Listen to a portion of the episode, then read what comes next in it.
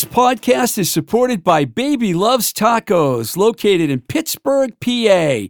Pittsburgh is famous for many things Andy Warhol, Bruno Sammartino, Roberto Clemente, Mr. Rogers, and of course, good food. And when it comes to Mexican style cuisine, no one is better than Baby Loves Tacos, one of the best independent family run shops around. The Baby Loves family is working on the Give and Go Market, which is opening very soon right next to their original location at 4508 Liberty Avenue in the Bloomfield section of Pittsburgh. Check out the Baby Loves Tacos Instagram page at Baby Loves Tacos.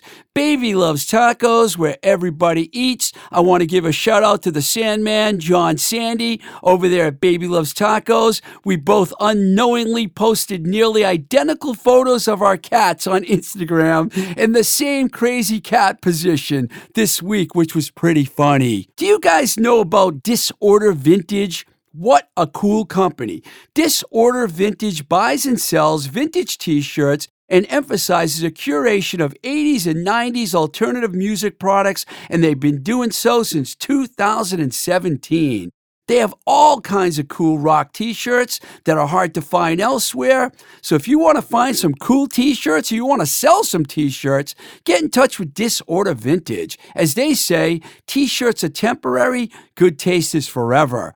You can reach Ryan, the main man at Disorder, at disordertracks.com or on Instagram at disordervintage or on their website at disordervintage.com. A temple corroded, eviction pending. Embrace me, cold night, gray sky, street light, lyrical dissension, attention fading, breathless. I'm a mess. Kissless, I'm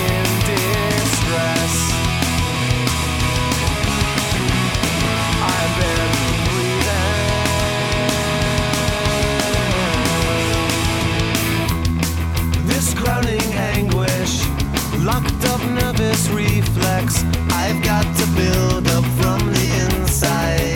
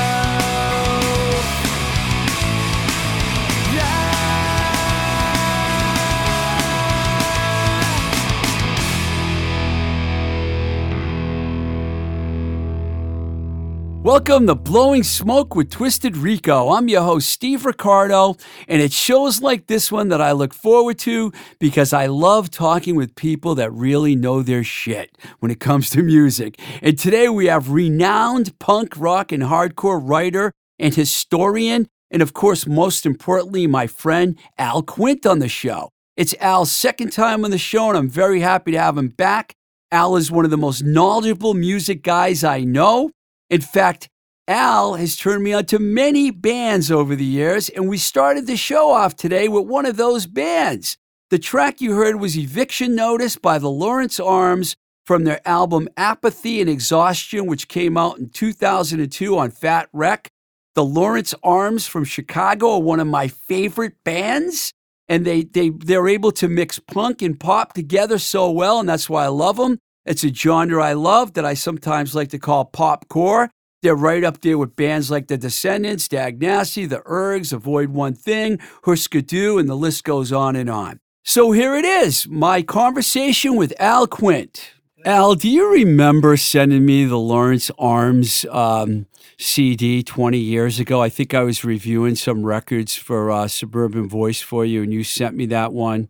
And I, I, because I played Eviction Notice right before this interview, and I don't know if you remember. You turned me on to the Lawrence Arms. Oh yeah, I don't really remember sending it to you. I vaguely remember them. They were kind of like a pop punk band, right? From Chicago. Yeah, I remember that. You know, they're on Epitaph now. Really? I did. Yeah. Yeah, you you don't go that crazy for the poppy punk stuff. Not like me. Not too much. Occasionally, I mean, I still if I think of poppy punk like band like Dillinger Four, who still kick my ass. I mean, the whole thing with pop punk, it's got to have a bit of uh, aggression to it, a little bit of oomph underneath it. That's that's what appeals to me. Yeah, well, I consider the Descendents and Dag Nasty and the Ergs. Oh, of course. and all those bands fall into that category for me. Yeah. Yeah, no, I mean, the first Descendents record is probably one of the best pop punk records ever. Yeah, I kind of ended up liking them more as they went along. I think because you know I worked on that Enjoy record and it ended up really hitting me. But then when they came back in '88, you know that's that record is fantastic. You know, Yeah, I don't know. I still pretty much stick to the early stuff.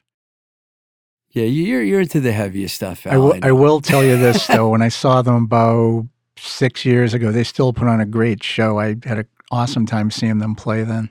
Do you think, do you like this lineup now that they have, they've had for the last like 20, 30 years compared to the originals, even before Doug Carrion came in with them? Yeah, sure. Yeah, I think that's a pretty solid line. I mean, Stefan's a great guitar player. And um, yeah, yeah, definitely uh, their best lineup. And I also loved when uh, Stefan and Bill did the flag. I was going to ask you about that. Did you go and see Flag? Hell yeah, I had a great time. I saw them. I think they played twice here, right? Yeah, I saw both shows. Oh yeah, I mean, you know, no one's Greg Ginn, but Stefan's, you know, in that style, and he can play really well. And uh, you know, you, you go there, you know what you're getting. You're not going to get anything new, but yeah, it's it's fun. I call it like punk rock comfort food, basically. Are you going to go to House of Blues for the Circle Jerks? Uh, I'm not sure, just because I don't really like that venue. So I'm, I'll see. Not not decided. Did you yet. did you hear who got added to the bill? no, Adolescents. no shit. Circle Jerks, Adolescents, Seven Seconds, Negative Approach. Wow, it might be hard to pass up. We'll see. yeah, We'll I'm see. going. We'll see. A lovely friend of mine got me a ticket, so Oh, I have to go. Cool. Well, not have to, but you know, I'll gladly go. I don't want to go to Fen- the Fenway, but you know, hopefully the Red Sox don't have a game that day Yeah. because that would like make it a nightmare. I think Oh, it's yeah. this. I feel I don't even know when it is. It's coming soon though.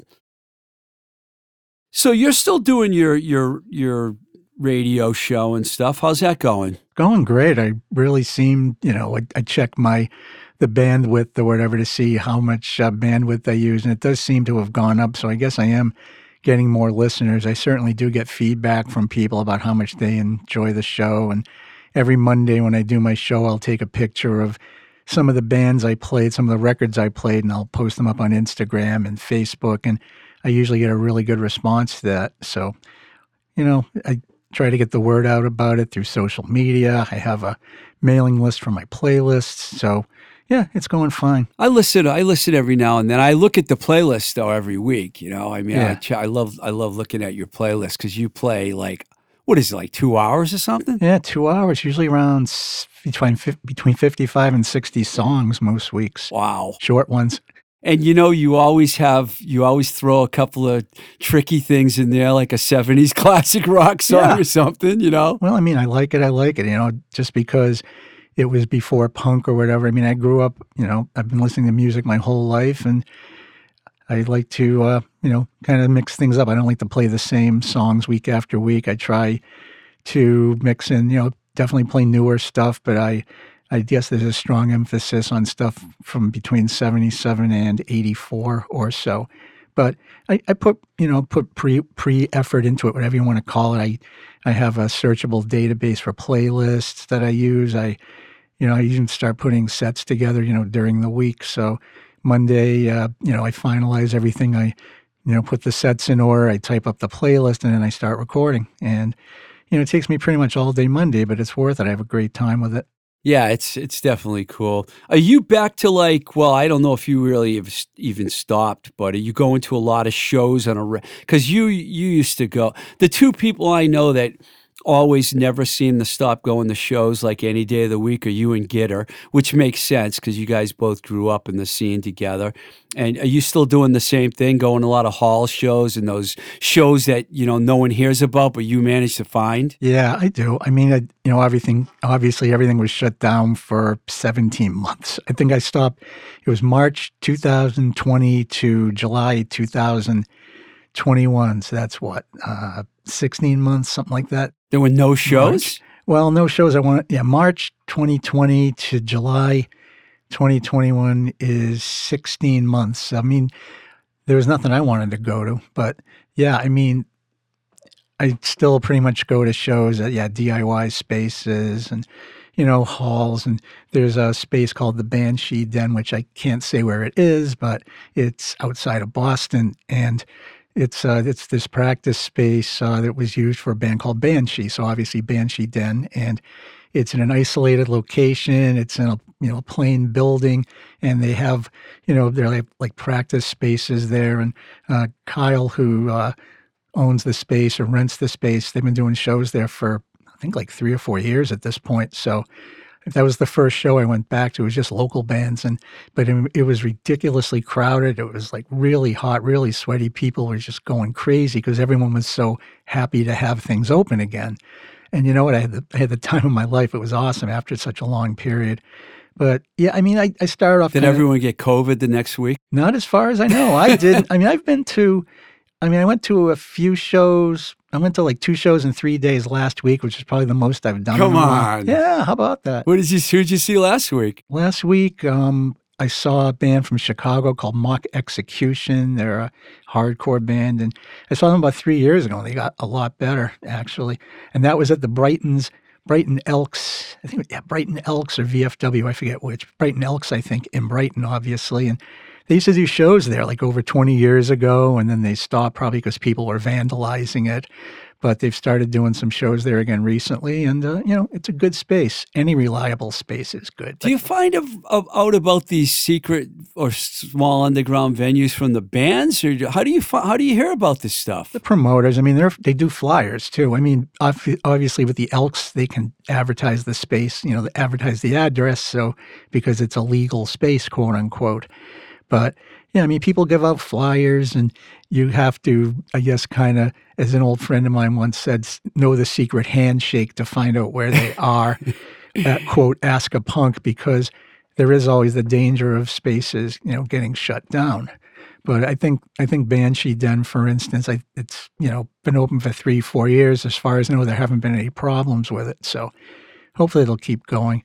It's funny where we we're sitting here in Somerville. Um, I don't know if this is a secret location or not, but this building used to uh, host a uh, space called Markus Basket, M A R K U S, which will probably give you a pretty good indication of what it's near. But I mean, where we're sitting, like they divided it This off. is not a secret location. Okay. so. Well, well, they divided it off into like smaller, you know, you know, rooms now or whatever, but it was one big room and the acoustics were absolutely horrible, but they had they did had, did have some pretty decent bands play here. It was probably doing shows for I don't know, 6 to 8 months and then it shut down. I remember you telling us about this when last time I you were down here that you used to go to shows out in the hallway here.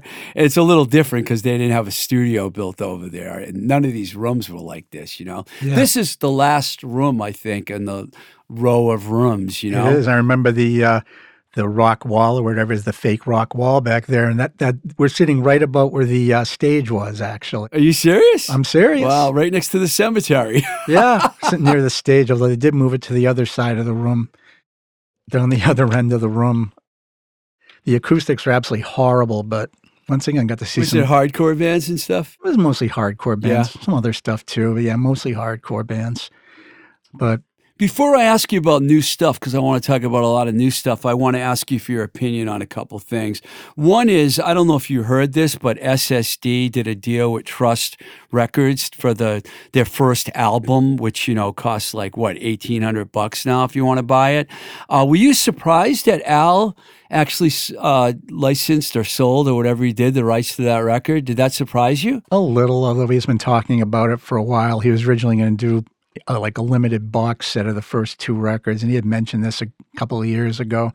I know a lot of labels had expressed interest, but Trust Records is a good fit for them, I think, because they've done a great. They've you know they've reissued stuff by the Circle Jerks and Seven seconds. Thank you, Seven Seconds. And, you know, they've done a really good job with the packaging. You know, they include like a booklet and everything. You know, the pressings are great and all that. So I think it's, a, and I'm sure they'll take care of Al. I'm sure Al would not deal with anyone who wasn't going to take good care of him. So I think it's definitely a good fit for them. I'm not 100% surprised. I know he was really proprietary about it for a long time, but I don't know. Maybe I really don't know. You'd have to ask him, but he finally, I'm glad he finally decided to uh, put them out. Of course, I'm not getting rid of my original copies. So Do you think it'll, being a record collector as you are, do you think the price will be affected on the original copies now that it's being reissued? I was curious about that. I don't think so because if you look at records that have been reissued, some of the originals still maintain their price. In fact, maybe they go up a bit. I mean, I'll give you an example: the Negative Approach seven inch, which is probably getting you know anywhere between seven hundred and a grand, depending on you know what you look at. And you know that that record has been reissued several times, the seven inch, and it, it seems to The be original is still yeah, the one. people still want the original copies. You know. Right.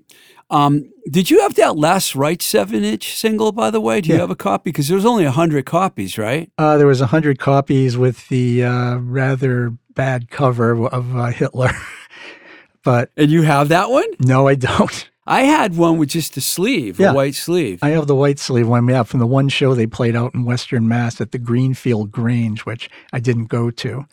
But no, yeah, and I don't. I, they pressed a hundred of that sleeve. I'm not sure how many Curtis pressed of it overall, but it's um, you know, it's uh, it's still a collector's I, item. yeah, I only bring that up because it seems like one of those really popular, rare singles that are hard to get. You know, people just don't want to sell their copy. Yeah, I mean, I mean, they included, you know, Curtis included the songs. In fact, he included the entire session on the CD with the Negative FX record.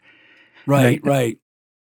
And I guess he's talking about uh, doing a Last Rights record with the demo on one side and a live set on the other. Yeah, he's, he, he- another band that you know uh, he actually Curtis this time is convinced to reissue and do all their old stuff, and there's going to be some sort of a double album as the outlets. And uh, it's funny because I found this tape recording of Rick Barton. I don't know why, but I ac- I must have accidentally taped a message or saved a message. And he goes, "We will never ever have another outlets reunion, and we don't want to do it. And it doesn't bother me at all. I know people call us; they want to reissue." And lo and behold, guess what? There's the outlets is coming out on Taang Records. Well, good. I hope it's the early stuff, Yeah, all the early stuff. the best stuff. Great. Yeah. Yeah, I know. Like by the time the band made it to Enigma, we didn't get like, you know, it was not as good as the Whitey, the early stuff with Whitey on bass, you know, but Yeah. that's, you know. Anyways, um, Joe Nelson, I'm going to talk to next week, and I'm looking forward to that because I'm going to ask him about how long he's been dealing, you know, with Al to try and get that. So I just figured I'd ask you about that. Yep. Um, I just recently was watching a documentary on Husker Du, and I was curious where you think they fall in the in the American punk slash hardcore history. You know, as one of the earliest bands in the scene, and the you know, the, the- I, there was this thing in the do- documentary that made me think about asking you, where they said they didn't realize how big they were till they played their first show in Boston. So I did a little research, and I found that it was. April 23rd, 1983 at Mavericks. Yep. And interestingly, interestingly enough, they were scheduled to play four days later at the channel, but the show got canceled. Now, I know I'm testing your memory with this, but I'm willing to bet that you were at the first Husker Du show in Boston. I was. It was them. It was Sorry and the Proletariat. And yeah, it was a matinee show. Yeah, I was, I was there. I remember it. I have the flyer on my wall. My Mavericks. in- now I know I recognize that name, but I can't don't know where that club was. It was in the financial district of uh, Boston.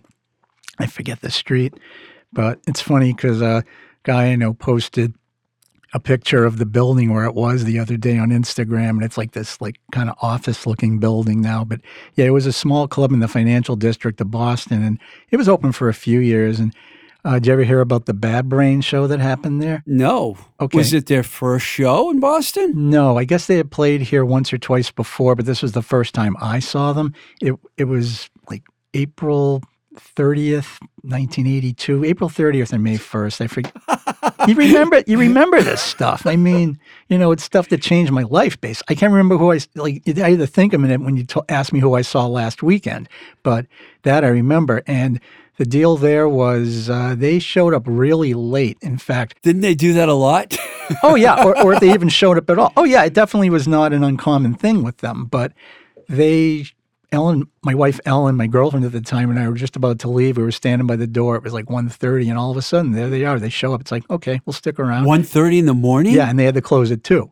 So what happened was, you know, it- they loaded in their equipment very quickly. Uh, no sound check, no nothing, and they just played an all hardcore set that lasted like 15 or 20 minutes, and it's still one of the greatest things I've ever seen in my Oh life. Oh my God. It was unbelievable. Wow. But yeah, Mavericks was open for a few years. Yeah, that's So do you think that was before all the shows they did at the channel and stuff? Bad Brains or Husker Du. Uh, bad, we'll get back to Husker Du, but you brought Bad Brains up, so I want to follow up on that. I know they played that club Streets, which was Streets. it was either Streets or maybe Nine Lansdowne. I, I have flyers. I know they played up here before that, but that was the first time I saw Bad Brains. But yeah, you mentioned them being bad about showing up. There was a show at the channel where they were like five or six hours late. In fact, I had already left. I didn't stick around for them. I don't think clubs would put up with that anymore now. They would just say, fuck you. And Yeah, probably wouldn't- Yeah. You must have seen, uh, did you see Bad Brains every time they came to Boston? I saw them a bunch of times. I saw them in Providence too at the living room. That was when I interviewed HR, and he was smoking a spliff the size of a cigar, and like that was that was definitely an interesting interview. Let, let's just say he wasn't all that coherent. I interviewed Dr. Know once for Industrial Metal Magazine. I don't know if you remember that magazine. And uh, that was one of the funnest interviews I ever had. And, and I'm sure he was higher than any plane that was flying over my head. But getting back to Husker Du, because I was really fascinated by.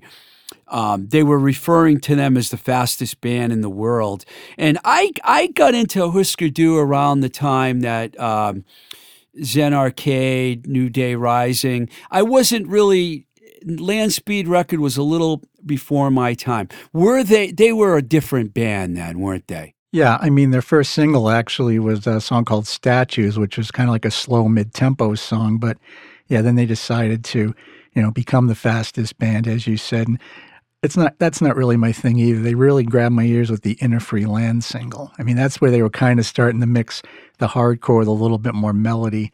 And same thing with the Everything Falls Apart record. It was, you know, it was a hard. They had some of the hard and fast stuff. A few songs that were on Land Speed record, but uh, they also the title track and a few other songs were much more melodic. So it's like you know that's the direction they obviously started moving. And the funny thing is, though, you mentioned Zen Arcade, and side two of that record is some of the most over the top hardcore they ever did.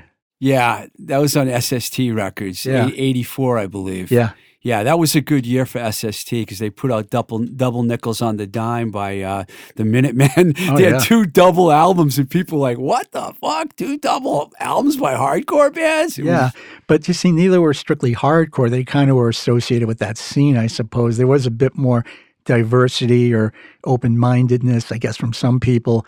But yeah, I mean, the Minutemen, that double nickels, I mean, it just keeps, you know, I, I appreciate it more and more. I appreciate that band more and more over the years. yeah, both of them. I was Oh, lucky. yeah. I got to see the Minutemen like four times when I lived in LA, and they they were Oh, just yeah. amazing band.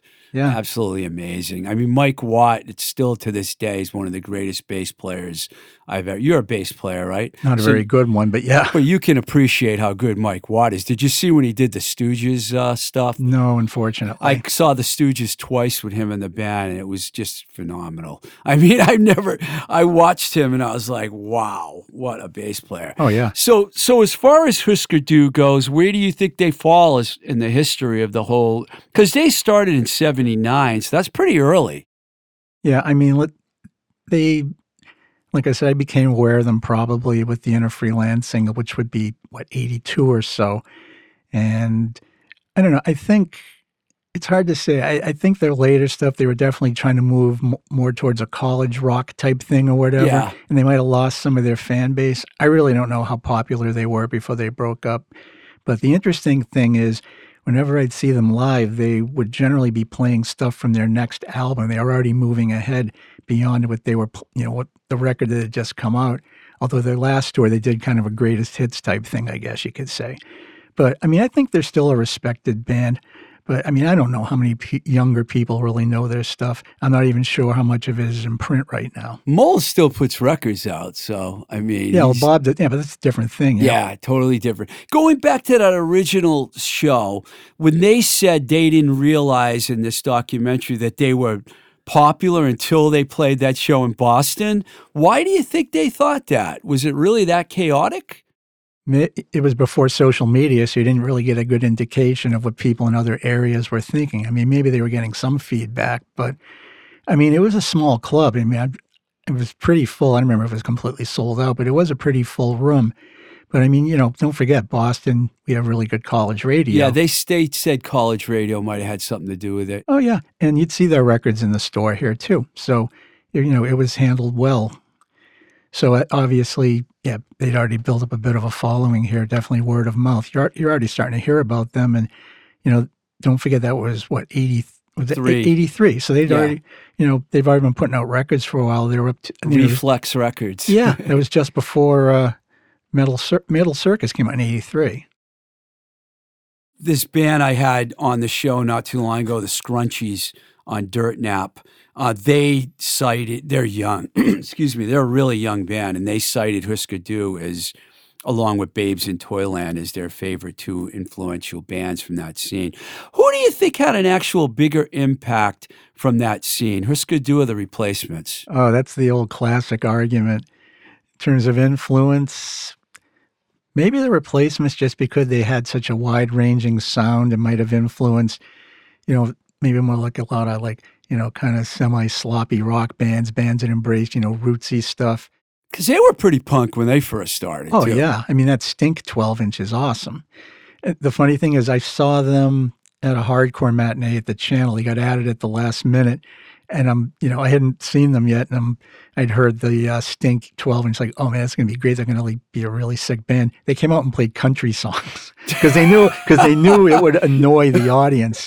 Yeah, they. I saw them once, and they didn't even play an original. I don't think their whole show. They were, re- and they would play a song for like twenty seconds, and then go into a Van Halen song or something.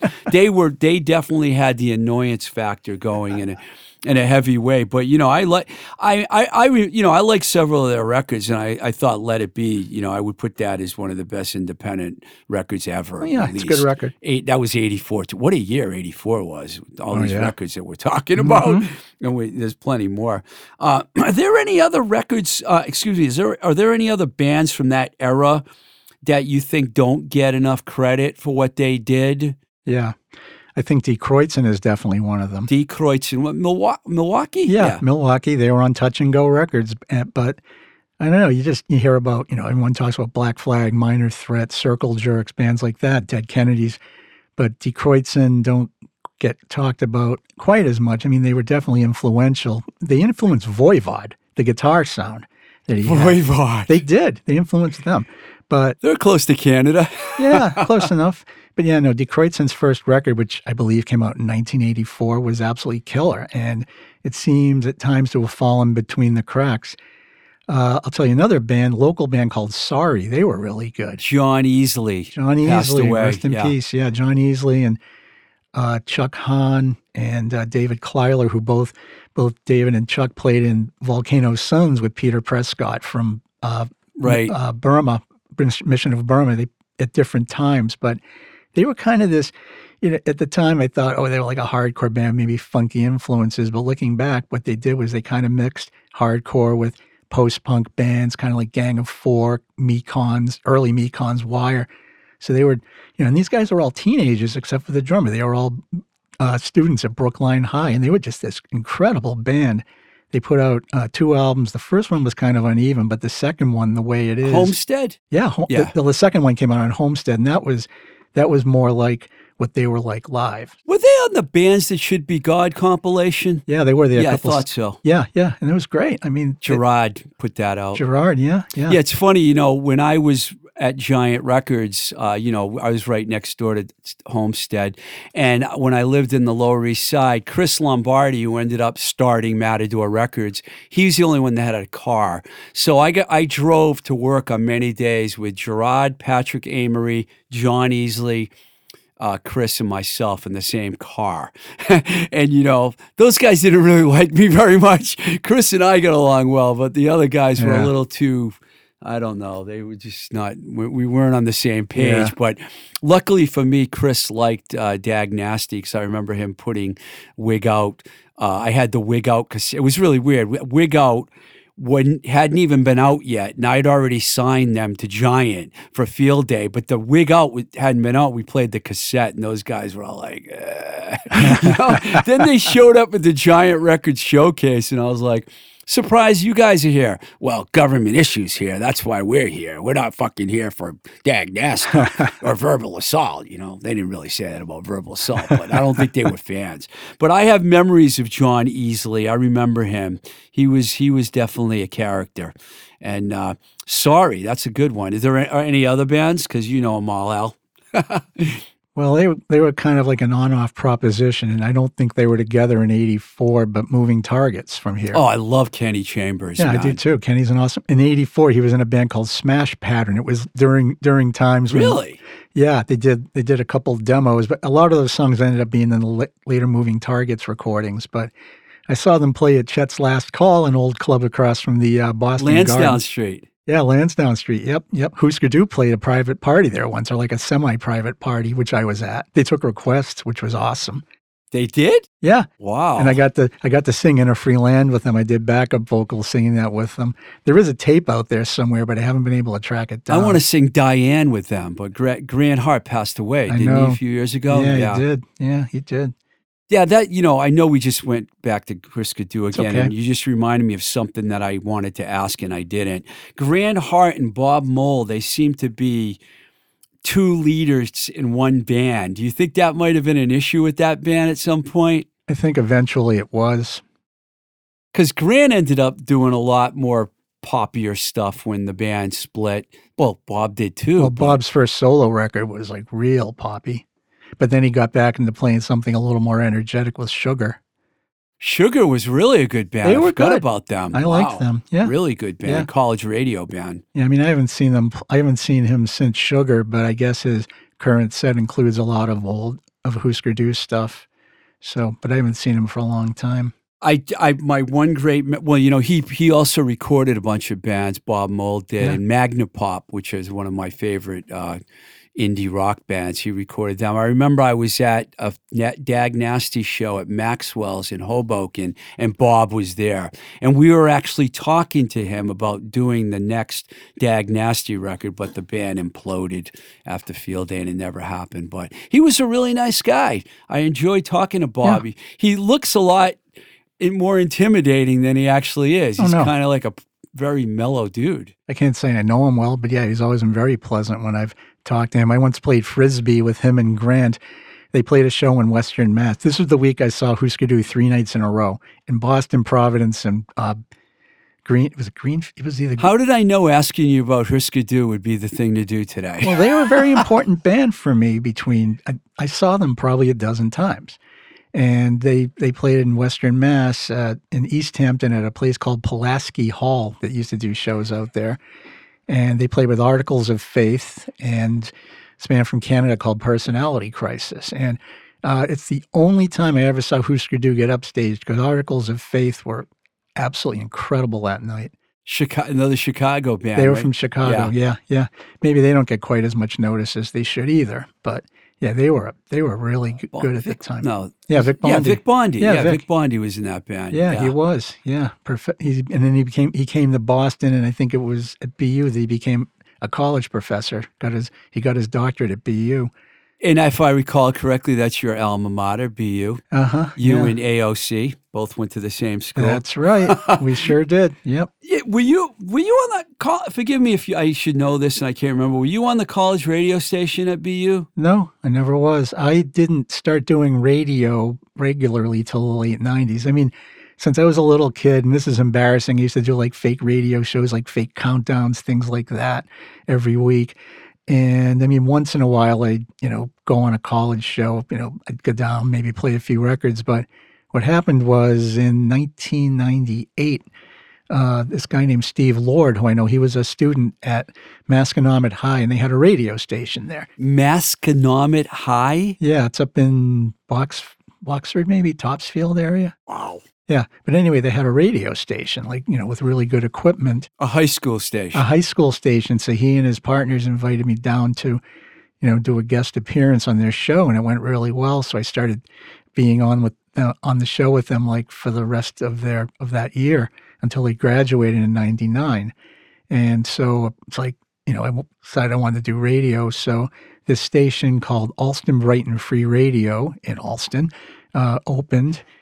Um, it was it was like I guess they operated under some FCC guideline where you could like I forget the I forget the of the regulation, but you could have a station that broadcast for like a few blocks basically. So I I talked to the uh, the guy that started the station and say I'd like to do a radio show here. So I started doing it in March of 2000. It was originally called Inflammable Material. uh, stiff little fingers. Stiff little fingers, but I have since I have a tiny bit of a speech issue, saying inflammable was kind of tough. So I changed the name of the show to Sonic Overload a few months later. and it still is Sonic. Still Overload. is, still is, yeah. Because I can say, although sometimes my mass accent comes out and I'll say Sonic Overload like that.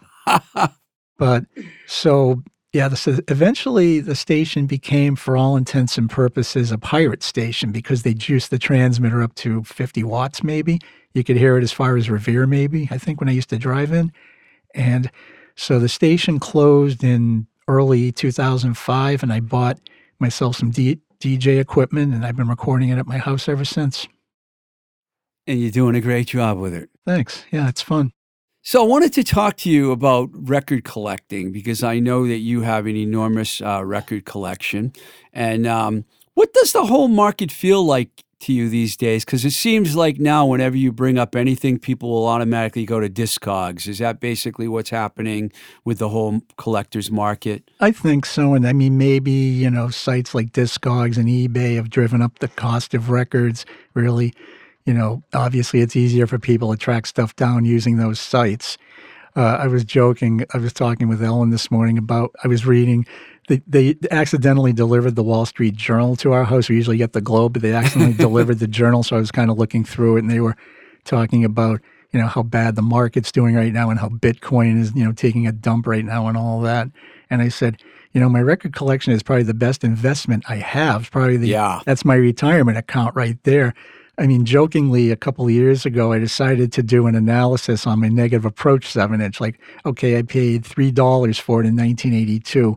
So, what's the annual rate of return on it? So, I looked up what the current value was, and I was getting about a 16% rate of return per year on that record, which wow. is a hell of a lot better than my investments are doing, or most people's investments, I would imagine. That's a good segue because I was going to ask you are there any titles in your collection that you would not consider selling under any circumstances? Most of them. Uh, most, Most of, of well, I mean, I have, I have, uh, I have a box of you know my most cherished records, ones that are not only like worth money, but stuff that I would never get rid of. And yeah, I mean, I can't see getting rid of the early Dischord stuff or the Exclaim stuff.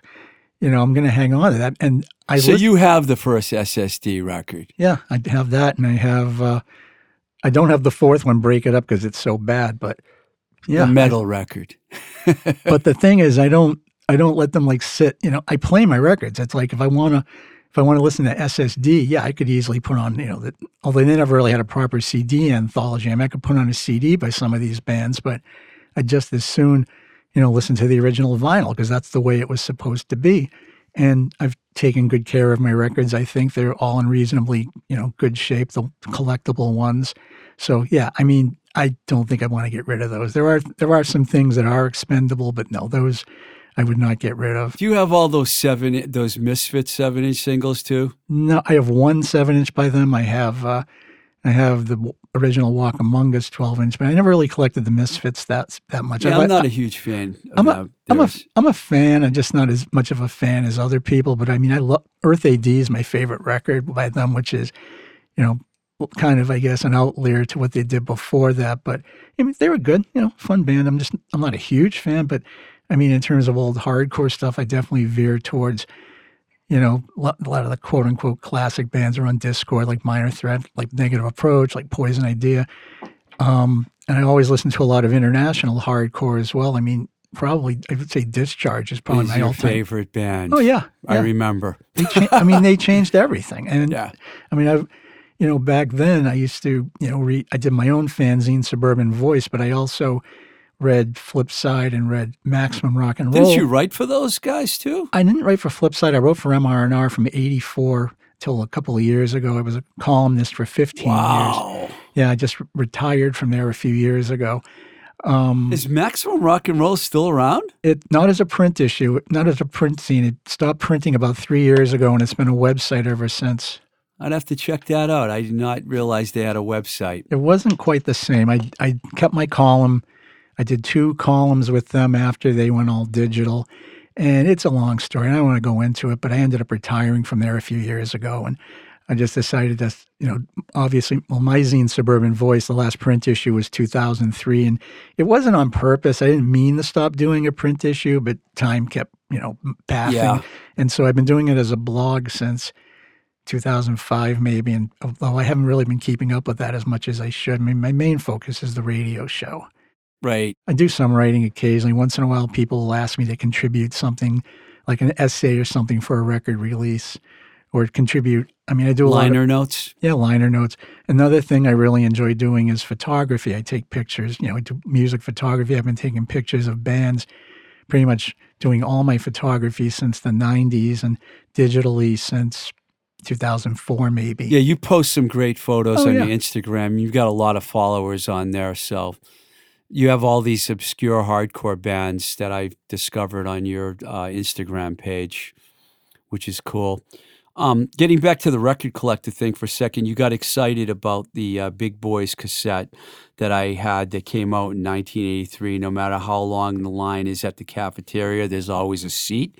I looked it up on Discog, Discogs. It was only 11.99, so I know you didn't want my copy because you were going to sell it. You No. probably wanted it because you're I a just, fan. I just wanted it in the collection. Yeah. I mean, I actually found a vinyl copy of that last year. Wow, really? Yeah. in- Was it a reissue or was it an Enigma copy? an Enigma copy? Really? It was at the store up Cut in. corner or I don't remember, but it was in it was in Concord, New Hampshire, and um, it, it probably had just shown up. I saw it in a box of unpriced records. I took it up to the counter, and I figured, oh, it's going to be really expensive. And he offered me, he, I think he sold it to me for like twenty bucks. And I mean, it's not in mint condition, but yeah, I've always that was like I think one of the only Big Boys records I still didn't have on vinyl. I have, a, I'm, I'm still have a few others I'm missing, but I have most of them. But you God, talk about important bands. I think they're one of the coolest bands ever. I mean, if I'm not mistaken, they were one of the first bands to have members come out as openly gay. And at Yeah. that time, that was rare. And I got, and plus they were from Texas on top of that. And, um, Fun, fun, fun to me is one of the absolute. If I had to pick my top 10 favorite punk songs ever, that would probably be in my top 10. And I got to know Chris Gates, but it was years later. Guess how I got to know Chris Gates? Junkyard. Exactly. Because Brian Baker, who I was hanging out with at that time in LA, was in a country rock band with Chris Gates, which didn't last very long, but they did get a deal on a Nick on uh, Geffen Records, which is a big deal actually for them. I'm sure you you are a big fan of Junkyards. I think I liked them a bit at the time, but yeah, it has not aged well for me.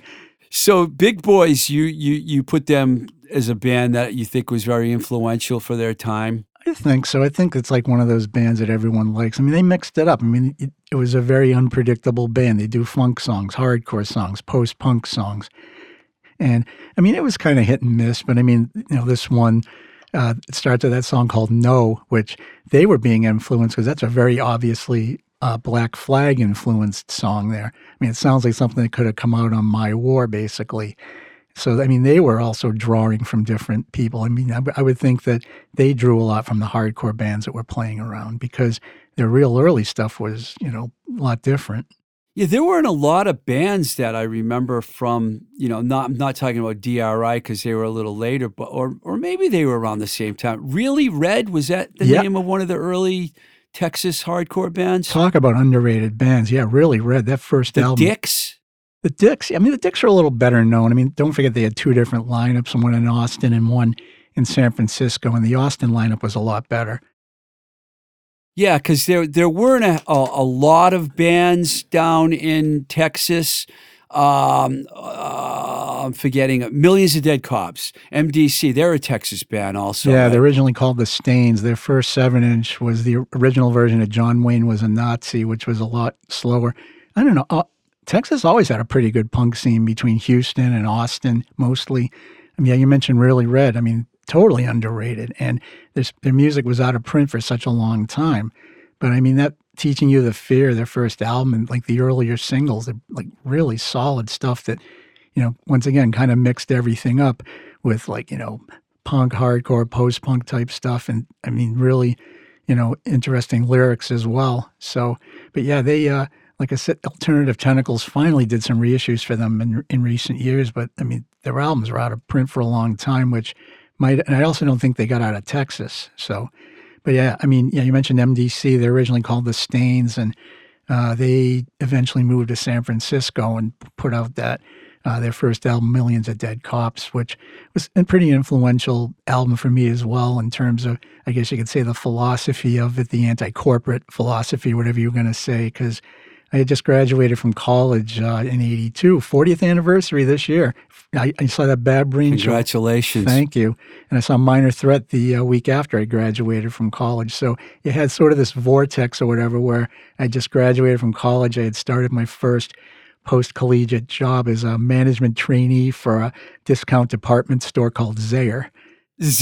So this is before Rocket Records because you worked at Rocket Records for a long time. Yeah, I, I was a regular customer at Rock and I kept going in there so much. They finally said, why don't you like come work for us? So I didn't want to for a while, but I eventually, you know, accepted because I was, I had just left another job and it's like, yeah, I'll come to work. That's how now. we got to know each other. I Actually, know, I, used yeah. to call Rocket Records, and you used to tell me what was hip and what was happening, and I used to send bands in there to bug you and things like that.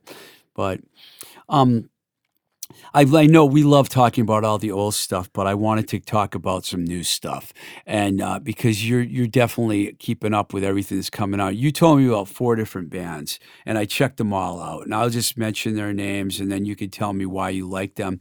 Uh, Anti Machine was the first one. It's an old school hardcore band from uh, New York uh, City. There, it's I, I listened to them on Bandcamp, so you can hear them there. They reminded me a little of early Gangrene. Is that too far off of a? Uh, not really. Maybe a little. Um, their vocalist Walker was in a band called Crazy Spirit, and they're one of my favorite bands of the last ten years. They there are these New York City bands. They call it bung punk, B U N G, and it's kind of hard to describe. It's like this kind of scratchy guitar, maybe pretty raw vocals, whatever. And uh, with Crazy Spirit, the drummer had almost kind of like a rodeo beat the way he played. But I mean, New York City's had a really good punk punk scene over the last 10 years. Crazy Spirit, Hank Wood and the Hammerheads, who are more of a psychedelic garage punk band.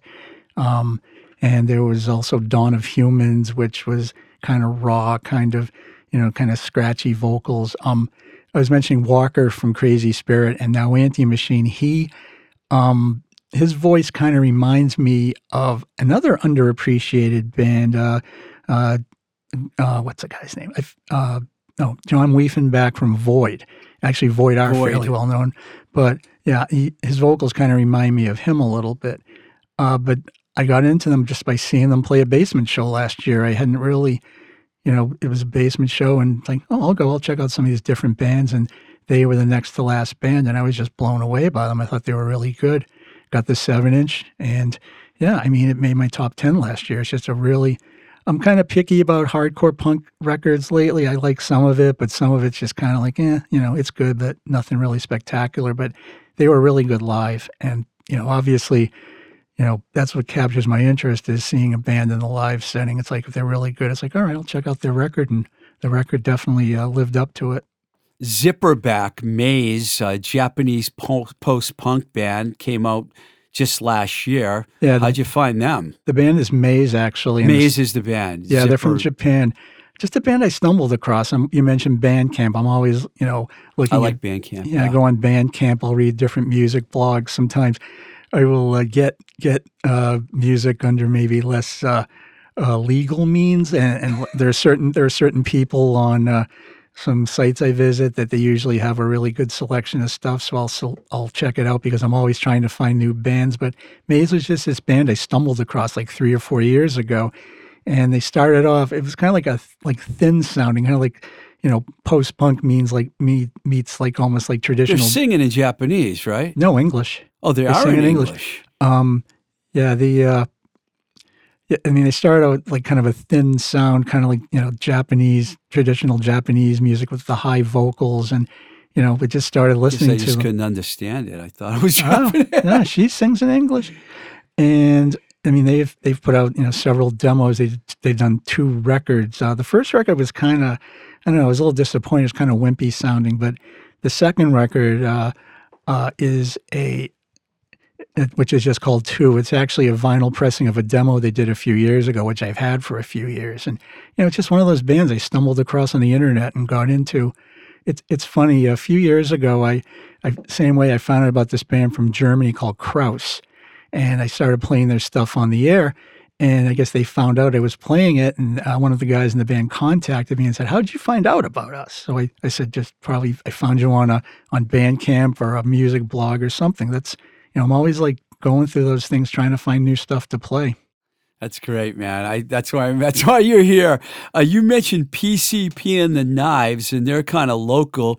They're from Salem, Massachusetts. I did check out. They were. I really like them. They weren't my favorite. The next one's gonna be my favorite. But Paid Vacation. That song is really good. I mean, I think all their songs are like a minute and thirty seconds Yeah. long. I saw them last weekend, in fact, at the Banshee Den, and they're really good. And they need to get in a studio. In fact, uh, this band called Science Man from Buffalo played that show with them, and their bass player Biff has a record label and a tape label, and he wants to. Uh, he has like a four-track machine, and he wants to come to Massachusetts to give them a proper recording, and he wants to put out a record by them. So, I mean, yeah, they're a great band, but they're not the most organized people. So, they've only done two demos that are kind of crude sounding, but live, they're great. Yeah, I, I really like them a lot. And I saved my favorite of the four bands you told me about for last. In fact, when we're done talking, I'm going to play the song El Ponio by The Cowboy from Cleveland, Ohio. I loved it, man. Love those guys. Yeah, they were pretty prolific. I think that's like their third album already.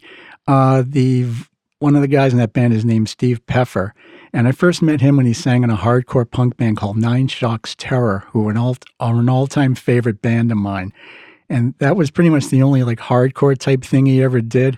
But I mean, he's done a number of projects over the year. He was in a, years. He was in a band called Homo Stupids, Homo Stupids. which is one word and kind of the cowboy are kind of similar to that maybe not quite as blown out sounding sounding but it's uh it's two of the guys that are now in the cowboy and i saw homo stupids play a basement show in somerville sometime in the 2000s and they were really good but i mean steve's done a he did a band called folded shirt who were this really kind of goofy post-punk band he was in uh he did a project called Donkey Bugs, which is it's him and this woman and one other guy, and it's kind of like kind of like synth minimalist synth pop, not synth pop, but minimalist like synth, you know, kind of abrasive type stuff. Right. And yeah, he's been doing the cowboy for a few years, and he also has another project called Fashion Pimps and the Glamazons, which is it's a little different than it's kind of in the same vein as the cowboy, but but yeah, they're a really good band. But yeah, I mean, Steve is you know he's very prolific. He's done all these different bands over the years, over the last twenty to twenty five years. Bands from Cleveland always uh, get me interested. You know, it's Yeah. kind of like one of those markets that you. I don't know. It seems like it would be a tough place to grow up. You know what I mean? Yeah, I mean, there have been a lot of a lot of great bands from Cleveland over the years. I mean, a lot of good hardcore punk bands, but yeah, you know, like more experimental type stuff as well. Yeah, well, everyone knows. Well, not everyone, but we know about Pere Ubu. Yeah. uh, Pere Ubu, the Dead Boys, uh, Styrenes, Electric Electric, Eels. Eels. You know, there's been some really cool bands from Cleveland, definitely. Absolutely. So, um, I know that you got all kinds of things going on and you turned me on to these new bands. Is there any other new bands out there that you would suggest that our my listeners check out from, you know, punk, hardcore, metal, whatever, you know, that Well, Australia, uh, you mentioned, yeah, Australia has, uh, sorry, Melbourne, Australia has quite a few good bands. Melbourne and other cities down there. Uh, there's a couple of bands I liked in recent years. One's called Cold Meat, and the other one's called Ubik, U B I K. And, you know, they're based ostensibly, I guess you could say they're, you know, they're punk bands, but uh, it's not like, you know, like anything's really I guess you could say all that predictable. They, you know, their melodic melodic passages and, uh, you know, kind of like you know maybe slightly more abrasive elements. But both of those bands are definitely, you know, a couple of you know a couple of bands I've really liked. Uh, there's another band called Special Interest. They're from New Orleans, and they they're a very kind of provocative industrial uh, dance uh, punk type band. They it's uh, a, a uh, it's a woman. I think she. I think she. I think they might consider themselves trans, but vocalist is very abrasive, very in your face, and it, it's two women and you know one trans person, one woman, two men. I mean, it doesn't really matter anyway. But they they have a rhythm machine, bass, and guitar, and her vocals, and they've kind of moving in a little more of a dance direction, which I'm not that into. But their first demo and their first album, Spiraling, are both really good. It's it you know it's got the punk attitude, but it's it's not like straightforward hardcore. Um, I found out about them from talking to another band. I saw this band called Patsy a few years ago, and I was talking to one of the guys in the band, and he was saying, "Oh, you should check out Special Interest. They're they're different than what we do, but you might like them." And I I checked them out and loved them right away. Well, Al, this is why I asked you to come down here. So you could tell us about all these bands below the radar, which some of them will probably end up becoming famous because you've told me about bands before that have actually, you know, climbed the ladder into the mainstream, so to speak. But uh, thanks a lot, man. And, um, you know, check out Al's show out there. And I hope you keep doing it. And I'd love to have you back again. you know? All right, man. Thank you. Thank you.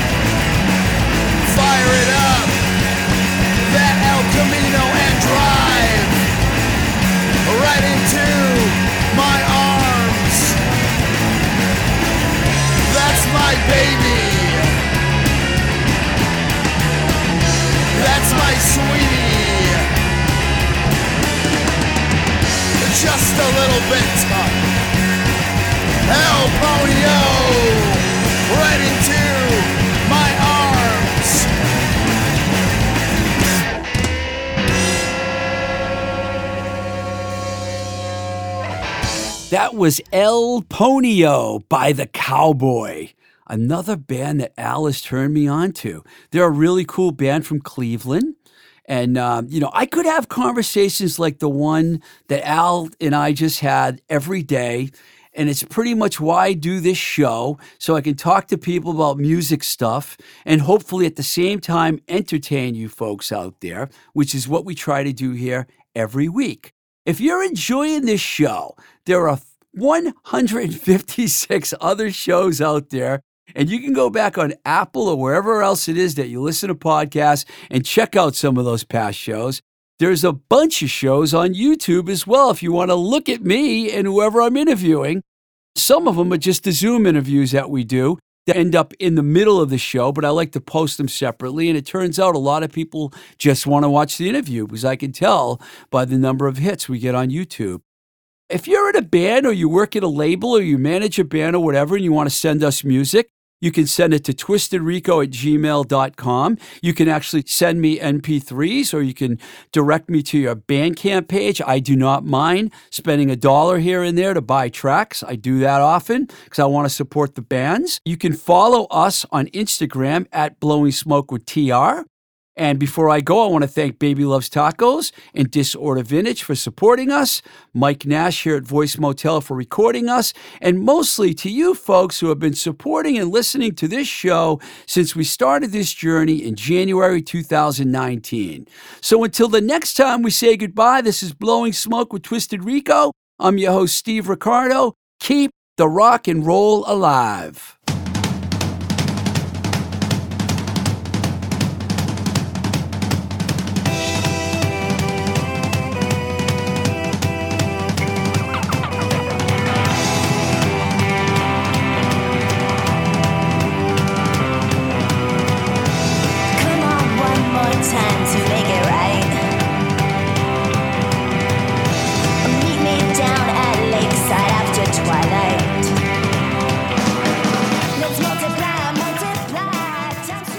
Voice is recorded at Voice Motel, voicemotel.com, your complete podcast recording experience, located in Union Square, Somerville, Massachusetts.